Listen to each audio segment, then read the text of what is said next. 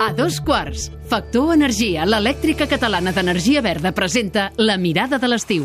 La punt diari de Joaquim Maria Puy, el viatge a una illa de fora de la Mediterrània. Bon dia, audiència. Avui fixem la mirada en l'illa de Puerto Rico, que és la més oriental de les grans Antilles, la que s'endinsa més en l'Atlàntic. Està més a prop de Venezuela que dels Estats Units, que la van envair el 1898 quan encara era colònia espanyola. Ara és un estat lliurement associat als Estats Units d'Amèrica. És tres vegades més gran que Mallorca. S'hi parla tant el castellà, la llengua més usada a l'illa, com l'anglès. Puerto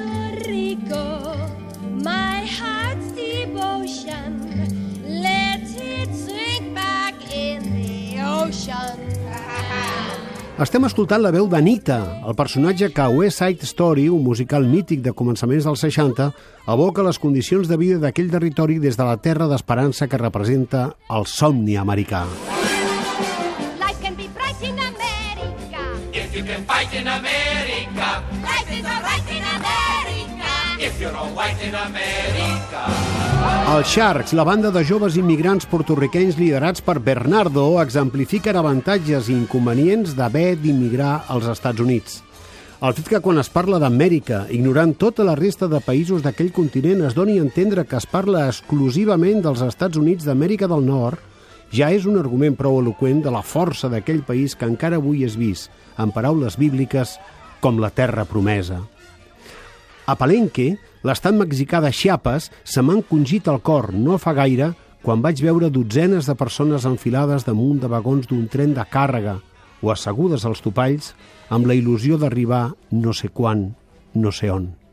Això sí, embriagats amb la idea de la terra promesa, als Estats Units, que per tot el món té un símbol màxim, The Little Town Blue, New York.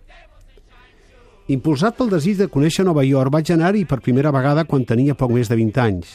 Però el primer viatge llarg que vaig fer per Amèrica va ser l'estiu de 1978. Vaig travessar els Estats Units gràcies a l'extraordinària xarxa de servei d'autobús que oferia la companyia Greyhound.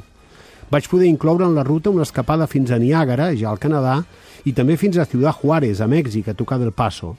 Però, com és natural, en autocar jo no podia anar a Puerto Rico.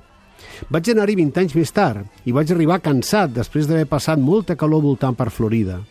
No vaig tenir sort i em vaig haver de quedar amb les ganes d'ampliar per mi mateix informacions associades a la petjada que el mestre vendrellenc Pau Casals hi hauria pogut deixar.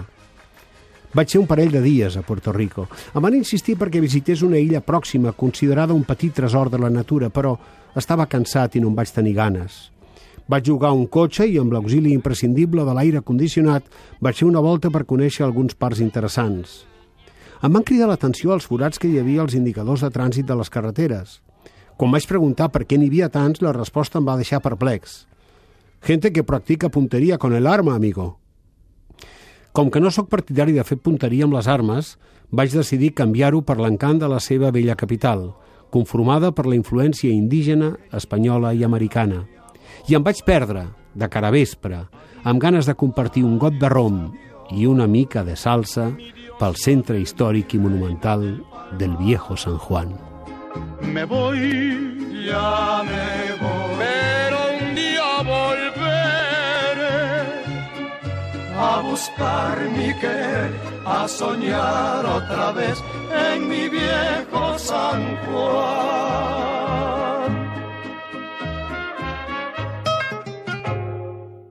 La mirada de l'estiu és una exclusiva de Factor Energia. El cap li girava. Subministren energia i ara ens ajuden a produir-la! No! Doncs sí, i es diu autoconsum. Instal·lació, finançament i autoconsum compartit. Comunitats de veïns, unifamiliars i empreses. Benvinguts a la revolució energètica. Factorenergia.cat Per fi hi ha un altre llum. Factor Energia. Empresa col·laboradora amb la Barcelona Equestrian Challenge.